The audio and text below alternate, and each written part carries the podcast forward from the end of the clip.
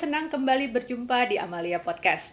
Big Data menjadi istilah yang sangat populer di kalangan masyarakat Indonesia di tahun-tahun belakangan ini.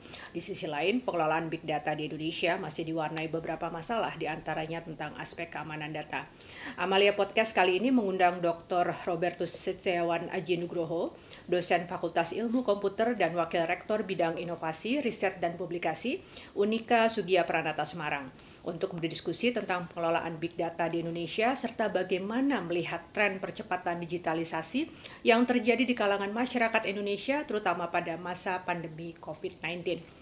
Dr. Robertus Setiawan Aji Nugroho menyelesaikan S1-nya dalam bidang Teknik Informatika Universitas Atmajaya Yogyakarta, Master dalam bidang Computing and Information Technology dari UNSW Australia, dan PhD dalam bidang Computer Science dari Macquarie University Australia.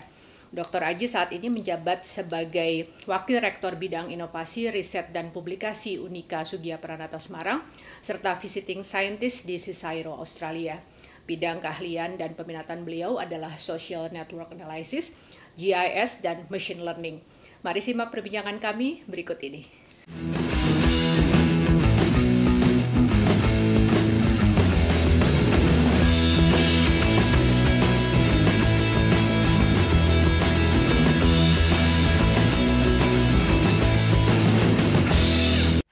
Selamat sore. Apa kabar Dr. Robertus Aji Mas Aji, sahabat baik di Semarang. Apa kabar, Mas? Selamat, selamat sore, Mbak Maria. Selamat uh, ini ya sehat semua di sini. Uh, eh, PPKM sudah level 2, sudah seperti normal. Aduh, alhamdulillah. Di Semarang ini. Jadi ramai sekali di mana-mana hanya. Ramai ya. Uh, uh.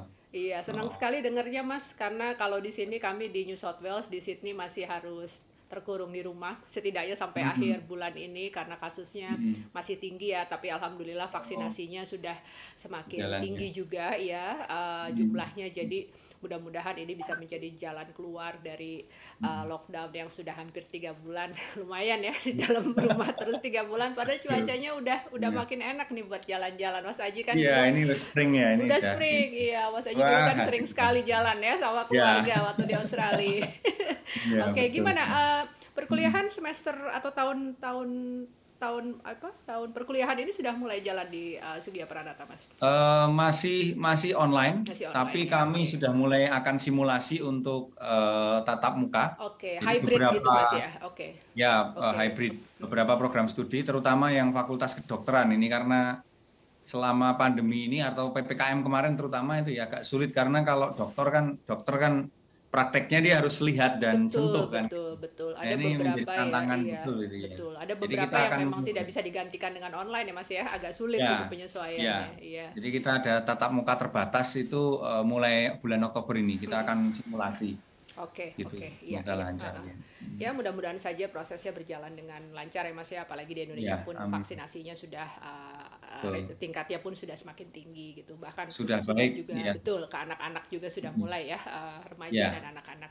Oke, nah ini begitu uh, saya ini penasaran karena podcast saya belum pernah bahas tentang teknologi nih mas padahal kayaknya hmm. podcastnya sendiri kan memanfaatkan teknologi ya gitu teknologi hmm. informasi yang sering berkembang yang terus berkembang hmm. langsung kepikiran yeah. nih sahabat lama suami saya dan saya hmm. nih kayaknya harus ngundang mas Aji nih gitu kan uh, untuk pembuka uh, ingin sekali saya berdiskusi lebih jauh tentang big data, Mas.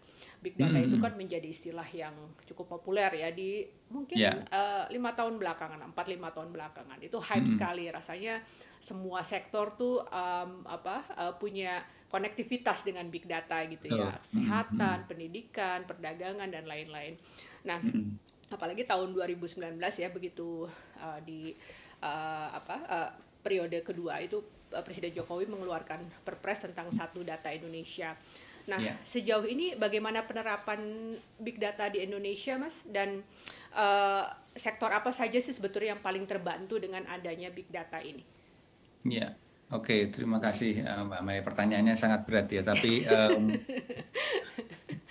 mungkin mungkin sebelum ke sana saya mau ini dulu ada ada uh, sedikit yang menggelitik gitu ya ketika beberapa waktu lalu kami mengadakan dies natalis kemudian kami mengundang sengaja mengundang seorang filsuf begitu yang uh, untuk membahas teknologi. Lalu uh, salah satu statementnya itu bahwa uh, ekstra teknologi yang menulas halus begitu. Intinya apakah uh, sekarang tidak ada keselamatan di luar teknologi gitu karena okay. begitu pandemi ini kan luar biasa ya akhirnya ketergantungan kita terhadap betul, betul, betul. teknologi dan sebagainya begitu. Nah, memang ini sebenarnya juga perkembangan teknologi ini kan juga bukan sesuatu yang tidak direncanakan sebenarnya. Hmm. Pandeminya memang tidak direncanakan, tetapi teknologi ini perkembangannya sangat direncanakan. Hmm. Jadi kalau kita melihat uh, bahwa di sisi uh, kapital dan sebagainya negara-negara maju dan kita lihat beberapa tahun belakangan ini orang-orang terkaya di dunia selalu hmm. dikuasai atau dihiasi betul, oleh betul, ya.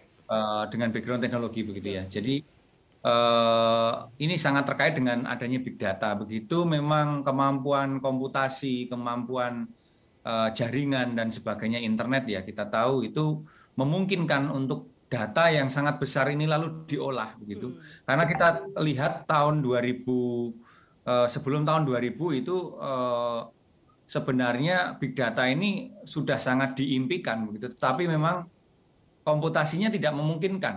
Okay. Jadi apa namanya eh, kemampuan komputer untuk mengolah data yang sedemikian besar tidak memungkinkan begitu. Tapi begitu tahun 2000 mulai tahun 2002 2005 itu kita tahu hukum Moore ya yang yang kemudian uh, komputasi itu berlipat ganda secara eksponensial begitu. Lipatnya bukan ganda tapi eksponensial begitu sehingga uh, big data menjadi sesuatu keniscayaan sekarang gitu. Dan semua bisnis aspek bisnis terutama dalam hal teknologi itu semuanya uh, sangat tergantung pada data. Dan di sana pula kalau perkembangan artificial intelligence itu mulai dari tahun 80-an ya sampai tahun 2000-an itu sangat lambat. Hmm Eh, mulai dari knowledge based, kemudian uh, rule based dan sebagainya ya kita tahu sangat-sangat sederhana. Tetapi begitu tahun 2000 ke atas itu AI seperti mendapatkan momentum karena kemampuan uh, komputasi, ya. dan juga ya kemudian uh, lalu data juga bisa beredar dengan sangat cepat melalui internet dan sebagainya. Kemampuan jaringan juga meningkat dan sebagainya. Lalu di sanalah kemudian uh, muncul berbagai macam apa namanya uh, apa yang kita nikmati saat ini uh, mulai dari image processing sampai kemudian analytical uh, pencarian yang lebih advance dan sebagainya. Nah, kemudian uh, pemerintah negara lain itu sudah mulai me, sebenarnya sudah jauh-jauh hari sebenarnya menyiapkan hal itu artinya okay. bersiap diri untuk hal itu.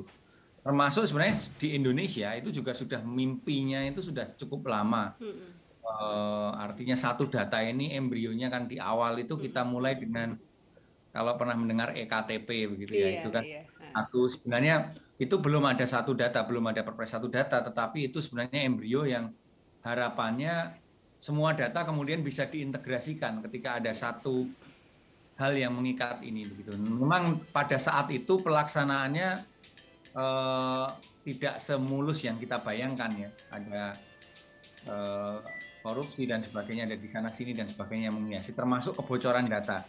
Nah ini. Lalu eh, perkembangan selanjutnya di tahun 2018, sorry ini yang eh, 2018 itu muncul yang namanya apa namanya eh, Perpres belum satu data ya itu ada namanya Perpres SPBE.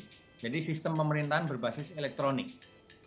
Nah ini yang eh, apa namanya yang muncul eh, di tahun 2018 sebenarnya di sana mulai mengatur bahwa pengembangan aplikasi itu tidak bisa seenaknya. Kalau zaman sebelumnya kan masing-masing Pemda gitu ya pemerintahan itu membuat aplikasi-aplikasi. Sehingga data itu sulit sekali disatukan. Nah tahun 2018 itu melalui Perpres um, saya lupa nomornya ya itu uh, mulai muncul yang namanya uh, Perpres atau sistem pemerintahan berbasis elektronik sehingga aplikasi-aplikasi itu akan disediakan negara. Oke. Kemudian eh, pemerintah daerah itu cukup menggunakan saja. Dan kemudian eh, apakah boleh ada aplikasi khusus? Masih boleh, tetapi harus seizin eh, pemerintah pusat begitu. Lalu itu ditindaklanjuti dengan Perpres satu data nasional di tahun 2019 begitu. Nah, di satu data nasional ini kemudian harapannya memang selama ini kan data itu ada beberapa macam versi ya, peta begitu, ada versi Bakor Sultanal, ada versi hmm. A, C, B, dan sebagainya. Maka dengan Perpres satu data itu lalu diatur siapa yang punya kewenangan menentukan ini.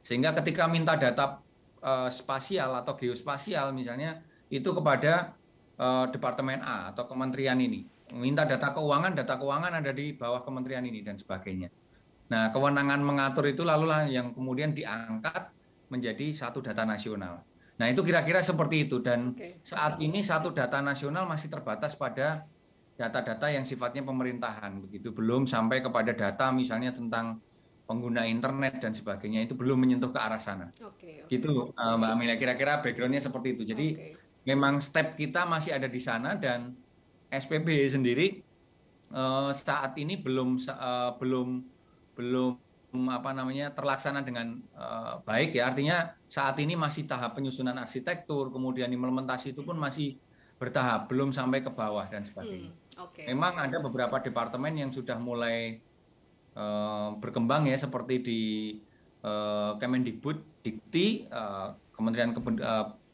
Pendidikan dan Kebudayaan serta Dirjen Dikti itu sudah mulai sekian tahun ini dan kita sudah mulai rasakan ini uh, dampaknya begitu dengan pangkalan data perguruan tinggi di sana uh, apa namanya informasi tentang perguruan tinggi statusnya mahasiswanya siapa hmm. dosennya siapa dan sebagainya itu sudah mulai terintegrasi dengan baik.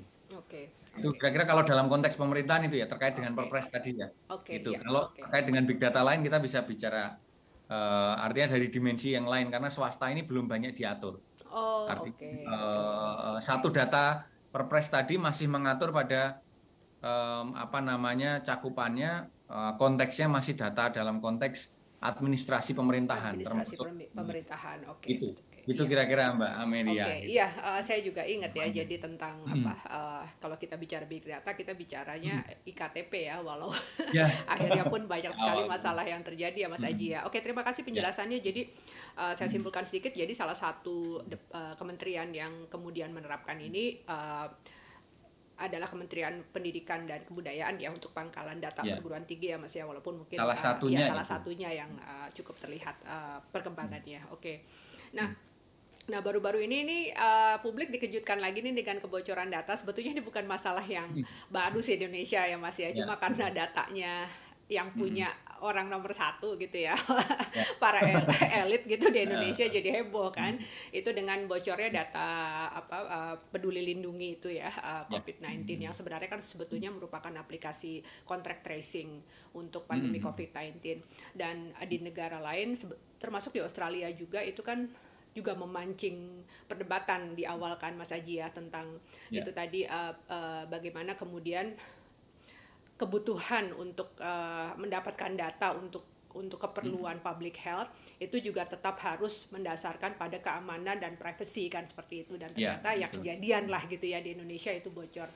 Nah kalau menurut Mas Aji uh, sebetulnya gimana nih kaitan antara uh, ambisi gitu ya keinginan dari hmm. banyak pihak di Indonesia khususnya pemerintah dan juga mungkin nanti sektor swasta untuk adanya big data ini dengan keamanannya apa kita sudah cukup siap sebetulnya dengan infrastruktur keamanannya sendiri mas ya terima kasih mbak Amelia hmm. uh, pertanyaan menarik karena sebenarnya ini uh, permasalahan seperti kebocoran data dan sebagainya hmm. itu kita tidak bisa lepaskan dari dosa asal yang saya katakan sebagai dosa asal dalam artian kebocoran data ini uh, sebenarnya kan asal muasalnya itu munculnya sebenarnya dari awal itu kita sudah pernah beberapa kali kecolongan ya data KPU misalnya mm -hmm. seperti itu ya. Uh, uh, apa namanya di sana uh, tercantum NIK nama kemudian uh, tanggal lahir dan sebagainya. Mm -hmm. kemudian juga uh, ini kan sangat berkaitan erat dengan data-data kependudukan dan sebagainya di mana kita ketika mengakses sistem misalnya peduli lindungi itu cukup dengan NIK date of birth misalnya gitu ya nama dan yang itu sebenarnya sudah sudah apa namanya bocor sebelum sistem ini. Jadi oh, okay. uh, ya dugaan saya sebenarnya yang bocor ini bukan sistemnya peduli lindungi sebenarnya begitu. Tetapi memang uh, masyarakat kita kan biasa bisa mengakses atau mengecek status vaksinasi kita ya dengan memasukkan mm -hmm NIK kemudian uh, apa namanya um, date of birth misalnya begitu informasi-informasi uh, yang sebenarnya telah bocor sebelumnya. Oh, nah ini yang kemudian okay. yang kemudian seakan-akan sistem ke depannya akan dikembangkan ini lalu kalau menggunakan mekanisme uh, validasi seperti itu, ya pasti akan dianggap bocor begitu. Hmm. Ini yang terjadi sebenarnya uh, seperti itu. Okay. Jadi dosa awalnya adalah ada data yang sangat penting, data-data kependudukan yang penting, yang yang cukup lengkap itu yang bocor begitu, yang yang yang apa namanya terbuka. Kemudian data ini yang kemudian bisa dipakai untuk mengakses sistem-sistem yang lain, meskipun uh, sistem yang uh, data yang bisa diakses itu terbatas ya seperti peduli lindungi kan um, apa namanya uh, barangkali kita masih bisa mengunci lewat nomor HP dan sebagainya okay. tapi nomor HP pun juga masih bisa kita uh, artinya masih bisa kita ambil dari dari orang lain gitu secara paksa begitu ya kalau kita punya kuasa gitu. Nah ini ini memang memang cukup rumit saat ini karena dari awal sendiri ini sudah terjadi kebocoran yang yang luar uh, luar biasa gitu. Ini ya layanan publik akhirnya ketika kita bergantung pada um, apa namanya NIK dan nomor KK bahkan atau atau date of birth dan sebagainya alamat lalu ya akhirnya memang yang terjadi seperti ini. Jadi sistem-sistem yang dikembangkan sebenarnya cukup baik lalu menjadi kena getahnya ketika uh, dari awal data yang sangat penting itu sendiri bocor gitu. Hmm. Nah ini yang uh, kalau dilihat dari situ uh, sebenarnya boleh dikatakan lalu seakan-akan sekarang kita sudah nggak punya privacy kan gitu. Hmm. Jadi data-data misalnya data saya bahkan itu mudah sekali ditemukan hmm. uh, ketika kita menguasai data tadi ya dan data itu sudah ter, tersebar data yang apa namanya data dasar tadi itu sudah ter, tersebar okay. sehingga okay. NIK kemudian date of birth saya pun mudah sekali ditemukan gitu. Oh, nah ini yang yang menjadi uh, kesulitan dan kerumitan Mbak Ahmed hmm. gitu. Ini ya. agak uh, apa uh, bergeser sedikit dari teknologi. Ya. Tapi kalau menurut Mas Haji, apakah misalnya dengan undang-undang kerahasiaan data kemudian akan membantu masalah ini, Mas? Ya, uh, undang-undang uh, privacy ini sebenarnya bisa sangat membantu, terutama dalam konteks ini ya. Artinya ini yang yang yang belum ada ya, masih masih belum diundangkan saya kira yang yang uh, terkait dengan kerahasiaan iya, data. Iya, Tetapi memang uh, apa namanya? Apakah kemudian itu bisa eh, apa namanya bisa membatasi atau memberikan benar-benar memberikan perlindungan kepada kita. Nah ini yang yang eh, yang saya kira juga tidak mudah begitu karena kalau kita lihat saat ini ya kita hidup kita ini sekarang sudah seperti tidak punya privacy kan gitu. Hmm, hmm. Misalnya eh, HP ya kita punya iPhone gitu. Eh, HP ini seakan-akan kita tidak punya tidak mendengarkan kita, tapi bagaimana dia bisa kita ketika saya bilang Hey Siri gitu. Hmm kemudian dia nah respon nah artinya dia mendengarkan kita hanya yang kemudian dia reaktif ketika kita bicara tentang Hey Siri tadi kemudian kalau Android uh, oke okay Google misalnya seperti itu dan dan kalau kita mau lihat sederhananya ya sederhananya bagaimana sistem-sistem ini mendengarkan kita tanpa bisa kita batasi itu kita bisa nyalakan Google Docs lalu kita bikin tools untuk voice typing gitu hmm. itu bisa terlihat sekali bahwa apa yang kita sampaikan ini bisa diketik oleh Google. Oke. Okay, okay. Dia bisa mendengarkan dan secara uh, apa namanya semantik itu betul gitu, benar gitu. Nah ini seakan-akan kita sudah nggak punya privacy lagi dalam konteks itu ya. Kemudian karena Google pasti terkoneksi dengan akun, sehingga hidup kita sudah diprofil oleh oleh uh, teknologi yang ada sekarang begitu. Nah, jadi uh, balik lagi kemudian kerahasiaan itu menjadi seakan-akan sudah tidak ada lagi kalau saya boleh katakan ya yang harus dilindungi sebenarnya bukan kerahasiaannya lagi karena kerahasiaan ini sudah bukan lagi rahasia gitu kan.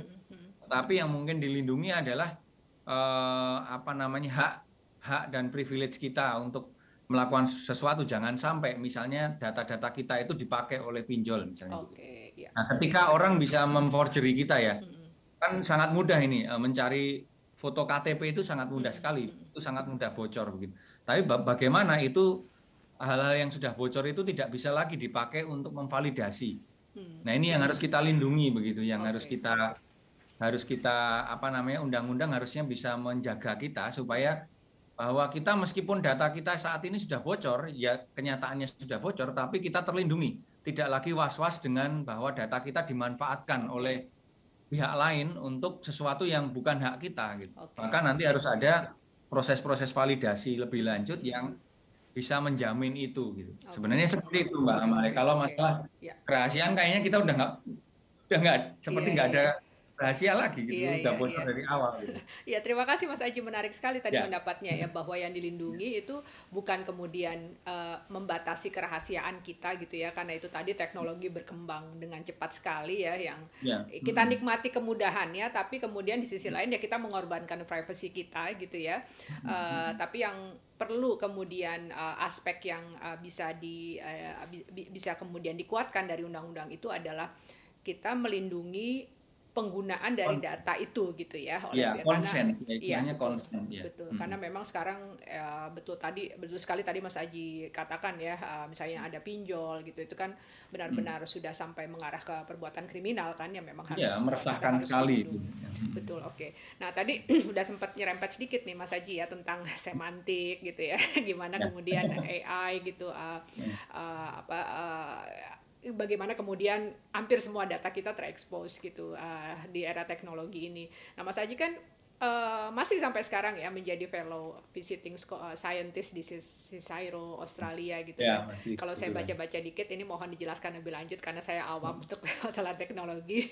Uh, spesialisasi Mas Aji salah satunya kan adalah social network analysis ya. Jadi menganalisa percakapan-percakapan yang ada di media sosial untuk di dalam ilmu komputing lah untuk komputasi untuk tentunya kebutuhan uh, dalam bidang uh, untuk digunakan dalam untuk policy making atau dalam bidang-bidang lain gitu dan ini menarik sih mas ya karena kalau kita bicara ini kan juga se tadi selain uh, privacy yang sudah diambil gitu ya oleh teknologi ya. yang makin marak salah satunya kan juga aktornya adalah sosial media ya mas ya. Oh iya. Kita kayaknya juga udah uh, privacy yeah. kita uh, kita menjadi aktor kita bisa menjadi aktor utama di akun kita itu tapi ya di sisi lain ya kemudian privacy kita juga udah nggak ada gitu. Boleh jelasin sedikit nggak sih mas uh, apa yang uh, riset yang mas Aji lakukan itu di, uh, uh, apa uh, selaku visiting scholar di Cisairo dan mungkin apa kaitannya dengan dengan uh, apa namanya uh, kebutuhan data kita pada saat pandemi COVID-19 ini dikaitkan dengan social media analysis. Ya, terima kasih Mbak. Uh, jadi uh, apa namanya uh, saya menjadi visiting scientist sejak hmm. tahun 2018 ya. Sebelumnya okay. saya postdoktoral di hmm. postdoctoral fellowship di uh, tempat yang sama.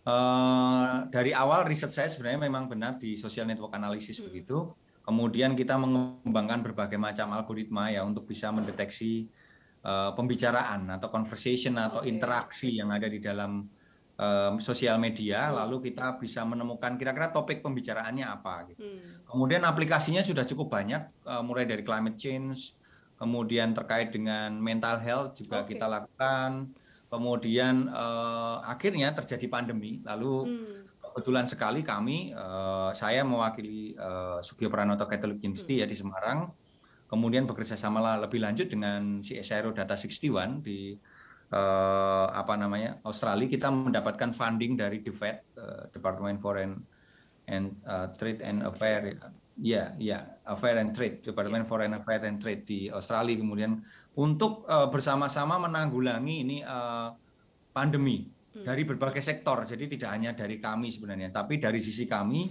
dari sisi uh, social network analytics yang kami lakukan adalah mencoba melakukan uh, uh, tracing.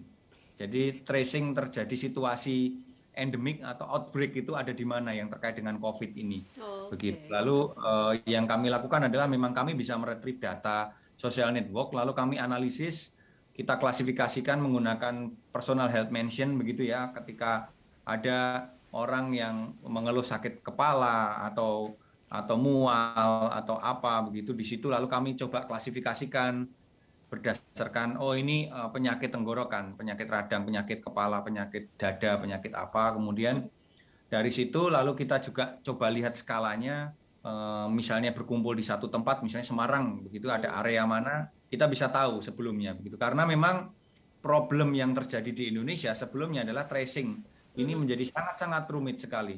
Yang pertama kita nggak punya uh, apa integrated medical record, okay, yeah. dan tidak bisa melakukan seperti Taiwan misalnya ketika terjadi pandemi seperti ini umur 60 dengan komorbid sekian dan seterusnya yeah, kita nggak yeah, bisa yeah. lakukan okay. uh, filtering seperti itu yang terjadi. Uh, nah dengan situasi ini dan juga uh, orang yang banyak bekerja di sektor non formal ya, Jadi yang bekerja di luar kantor itu kan banyak sekali. Maka sosial media menjadi salah satu hal yang kita pengen bidik gitu.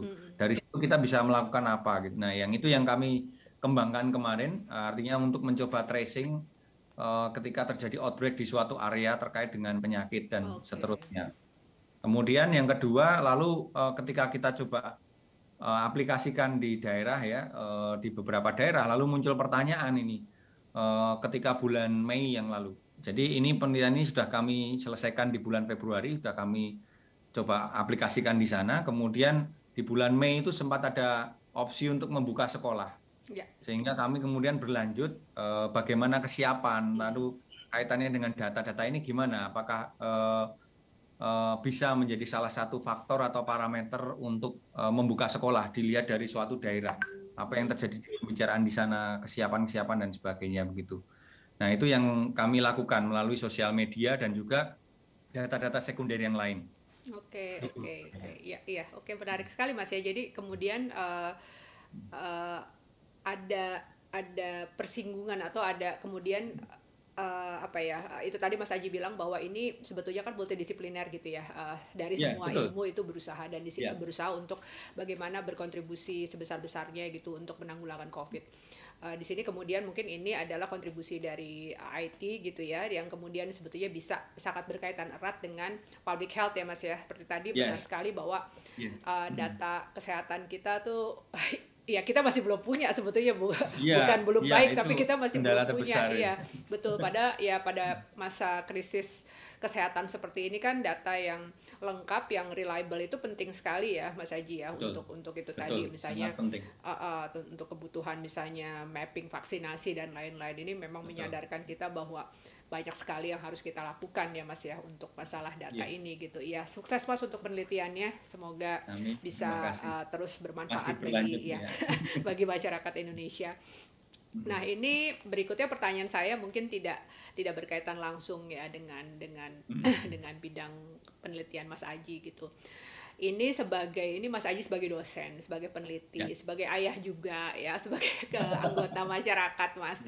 Kita kan mengalami akselerasi yang uh, luar biasa ya selama pandemi COVID-19 ini. Tadi juga Mas Adi sudah sudah sudah sempat katakan gitu bahwa sebetulnya salah satu misalnya big data sudah sudah sudah direncanakan tapi COVID-nya tidak direncanakan. Tapi ternyata kemudian aksel, COVID ini menambah akselerasi dari digitalisasi hmm. ini. Nah, uh, tentunya ini kita juga banyak mendengar keluhan-keluhan ya bagaimana uh, dari mulai hal yang teknis dan sifatnya infrastruktur seperti jaringan gitu ya uh, jaringan yang kurang baik atau bahkan sama sekali tidak tidak tidak memiliki sumber daya untuk untuk bisa mendapatkan akses internet uh, belum lagi masalah kesiapan literasi digital dan lain-lain gitu ya. Uh, nah, Mas Aji sendiri dan mungkin dari perbincangan dengan teman-teman nih sesama sesama komunitas IT ya, uh, bagaimana Mas Aji memandang akselerasi digital ini sih Mas khususnya masa pandemi dan mungkin apa ya uh, uh, kekurangan apa gitu yang yang paling terasa yang mungkin bisa kemudian di di uh, dicari solusinya bersama-sama gitu untuk masa depan karena sepertinya kan walaupun pan ya kita tentunya berusaha pandemi uh, kita berharap pandemi ini berakhir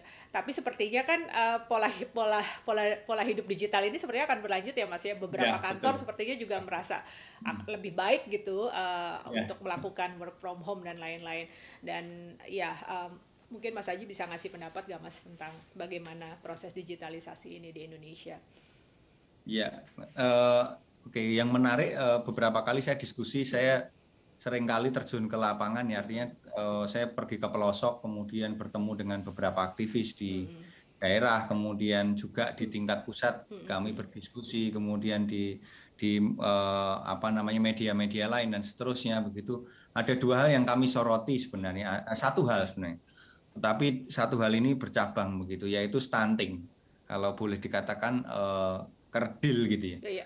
Uh, bahaya atau atau ancaman ancaman terkait dengan apa namanya pandemi ini ada dua kerdil secara fisik karena karena penurunan ekonomi dan sebagainya sehingga kebutuhan gizi tidak bisa dipenuhi okay. akhirnya anak-anak ini uh, fisik secara fisik uh, ancamannya itu Padahal uh, uang negara itu sudah untuk habis untuk penanganan COVID secara medical dan sebagainya ya, tetapi kemudian juga sisi gizi ini sangat-sangat terancam okay. karena uh, apa namanya ekonomi yang turun.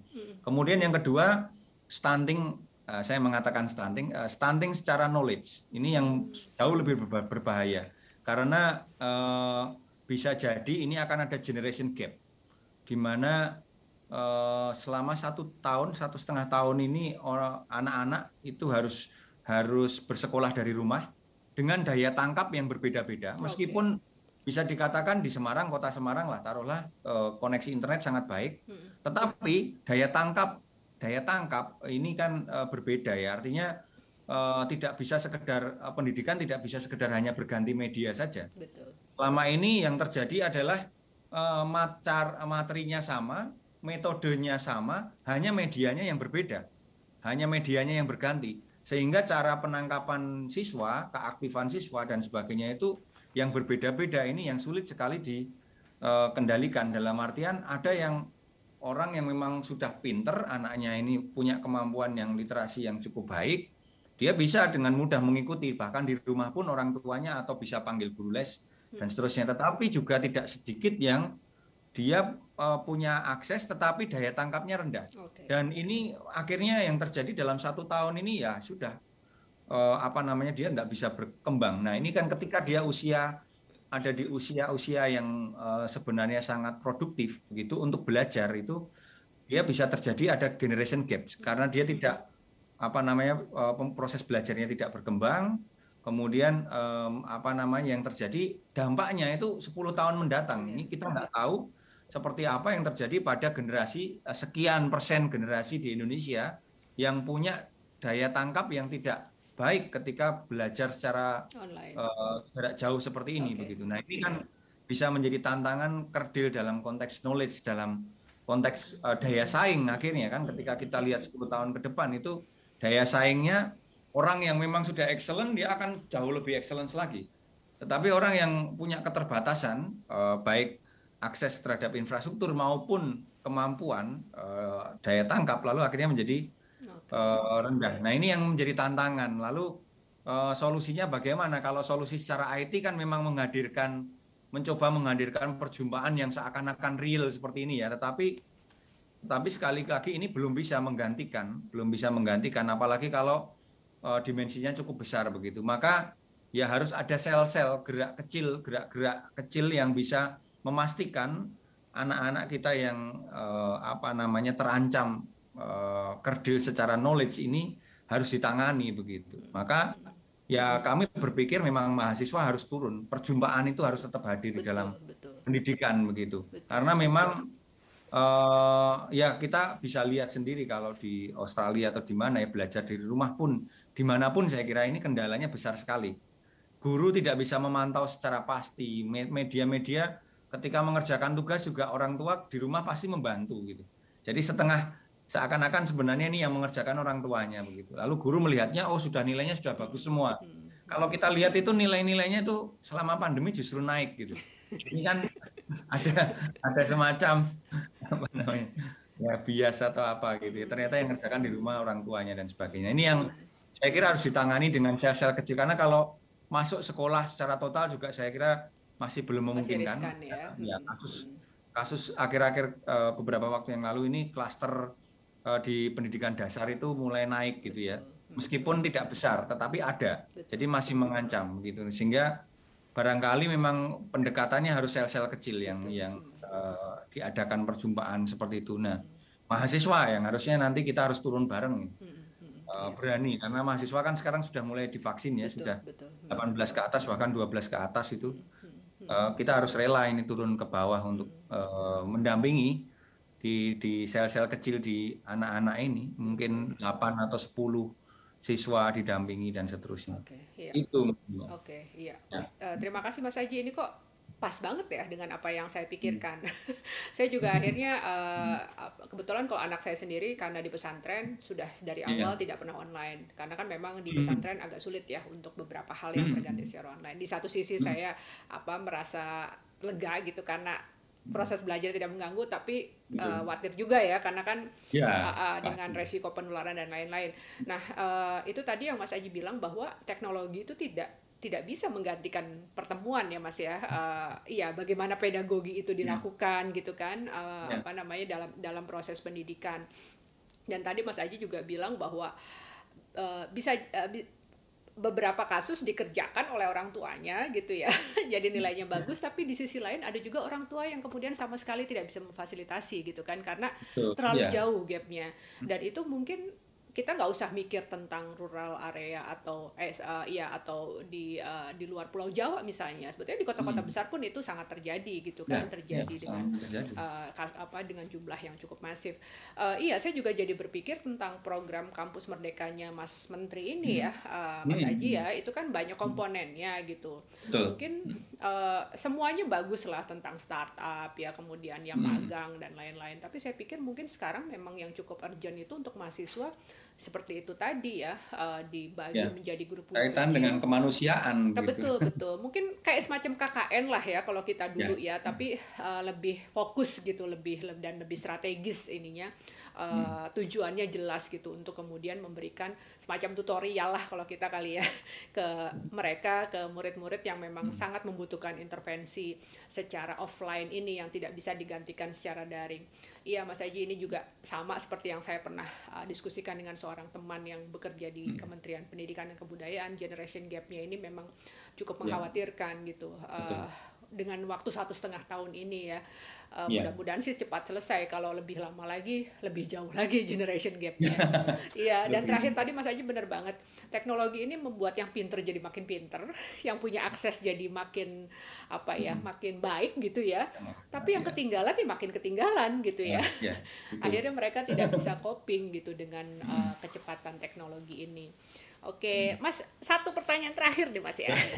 ini uh, sebetulnya pertanyaannya gampang kok. Ini sebetulnya curiosity saya dan pengen dapat perspektif dari orang IT nih. Uh, selama masa pandemi ini kan kelihatannya platform yang paling sering dipakai nih Zoom nih Mas ya. ya. Uh, sampai Zoom itu kayaknya sudah menjadi kata kerja. Ayo kita nge-Zoom. Ya. Seperti kantor sekarang ya. Iya, betul gitu. Ini saya jadi penasaran ya, kenapa kemudian Zoom itu bisa menjadi pemain pemain utama ya. Padahal kan sebetulnya aplikasi video conference ini kan juga banyak banyak pemain lain juga mas ya. Tapi ya, uh, ya dipakai juga di beberapa institusi lain ya. Uh, hmm. Seperti di kantor-kantor mungkin ada yang pakai Microsoft Teams atau Google Meet dan lain-lain. Tapi kelihatannya Zoom ini yang paling luar biasa dan pasti juga kan secara keuntungan material ya untuk company-nya juga luar biasa. Kalau menurut Mas Aji sendiri apa sih keunggulan Zoom ini dibanding aplikasi yang lain, Mas? Ya, sebenarnya ini uh, ini perkara perkara inovasi gitu okay. ya kalau kita lihat ya. Jadi uh, saya sering kali juga di kelas menggunakan Google Meet yang okay. yang terutama karena memang awalnya uh, saya sederhana saja recordingnya cepat gitu. Tapi hmm. untuk pihak luar memang kayaknya paling nyaman uh, memang saat ini ya mungkin Zoom ya. Artinya uh, mudah digunakan, kemudian dia ringan begitu. Hmm. Dari awal sebenarnya itu yang yang mungkin menjadi menjadi apa namanya uh, lalu menjadi pilihan begitu karena karena pertama ringan gitu kalau Google Meet itu di beberapa browser uh, terutama di hardware yang lama kan uh, memberatkan begitu. Okay. Kemudian di sisi lain uh, yang lain-lain itu baru catch up. Kemudian ada sebenarnya kan ada Microsoft Team juga yang bisa kita pakai mm -mm. ya secara gratis uh, yeah. untuk uh, domain education begitu sebenarnya. Tetapi awal itu cukup berat begitu. Sehingga ya memang zoom ini kembali ini lebih mudah. Kemudian uh, karena mulai banyak orang pakai juga sebenarnya kalau di kampus sering kali kita batasi gitu. Karena memang uh, tidak murah ya zoom ini tidak murah begitu platform ini kan. Kalau kita membeli secara secara komersial Betul. itu sebenarnya hmm. murah begitu. Tetapi uh, ketika kita berpikir lagi memang ya ini investasi yang saat ini mungkin paling make sense dalam dalam konteks ketika kita ingin memberikan kualitas yang tidak uh, apa namanya menurun begitu rasanya ini uh, platform yang paling familiar saat ini dipakai gitu. Ya mungkin awalnya karena uh, kalau dulu di Zoom uh, apa namanya Zoom sudah bisa breakout room, yang lainnya belum bisa hmm, gitu. Okay. Kemudian nah itu kemudian orang oh udah pakai Zoom aja gitu. Lama-lama kan akhirnya meskipun yang lain ini mulai ngikut, uh, yang lain ini mulai bisa melakukan itu gitu. Nanti Zoom nambah apa lagi gitu. Hmm lalu end up dengan orang ya terbiasa akhirnya okay. begitu. Artinya uh, kalau zaman dulu uh, di kami di CSRO selalu menggunakan WebEx misalnya gitu ya. Mm-hmm. Kantor kami menggunakan sampai integrated hardware-nya. Jadi kami sudah biasa meeting antara Canberra, Sydney atau uh, Sydney dengan Adelaide begitu kita menggunakan di dalam meeting room dua meeting room yang berbeda. Jadi kon, uh, conference meeting, online meeting itu bukan hal yang baru sebenarnya, tapi memang lama kelamaan ya uh, ketika dengan dunia luar ya kita harus adjust juga gitu. Tapi kami kalau di CSRO masih setia menggunakan WebEx, karena ya. memang integrated gitu sih. Tetapi okay. ya saya kira familiarity akhirnya yang okay. kemudian menang begitu. Hmm, hmm. Sama seperti Instagram gitu ya, Instagram uh, ada TikTok dia coba uh, TikTok ini lalu membuat nyaman. Ini realnya Instagram rasanya berat mengejar TikTok sih. Hmm. Karena kan udah udah terbiasa lah okay. familiar. Oke, okay, oke. Okay seperti okay. itu. Oke, okay, thank you Mas. Jadi masalah familiarity, ya. kemudian user friendly ya, ya mudah digunakan. Tentu awalnya ya, tentu awalnya fitur ya pasti. Fitur, oke, okay, ya. Dan juga apa tadi tidak tidak berat ya untuk aplikasinya ya. sendiri di komputer. Oke. Okay. Hmm. Ya, ya kita sepertinya masih beberapa bulan ke depan masih tetap meng, apa Betul. menggunakan Zoom sebagai kata kerja nih ya. Lebih dari kata benda nih kata kerja. Ya. Oke, terima hmm. kasih banyak Mas Aji Dr. Robert Setiawan Aji Nugroho atas waktunya dan hmm. kesempatan berbincang-bincang yang sangat menyenangkan. Saya banyak ya. sekali belajar Mas dan semoga tidak bosan untuk saya tanya untuk saya bisa Waduh. belajar lagi. uh, sukses untuk uh, penelitian-penelitiannya dan, dan juga tugas-tugas di kampus. Uh, semoga selalu dalam keadaan sehat. Salam untuk keluarga dan salam sehat dan tetap semangat. Terima kasih Mas Aji. Terima kasih Mbak. Terima kasih. Salam untuk semua. Terima kasih. Demikian perbincangan saya dengan Dr. Robertus Setiawan Aji Nugroho, dosen Fakultas Ilmu Komputer dan Wakil Rektor Bidang Inovasi, Riset, dan Publikasi Unika Sugia Pranata Semarang tentang pengelolaan Big Data di Indonesia, serta bagaimana melihat tren percepatan digitalisasi yang terjadi di kalangan masyarakat Indonesia terutama pada masa pandemi COVID-19. Simak terus channel ini untuk mendapatkan konten menarik dan berkualitas. Salam sehat dan tetap semangat.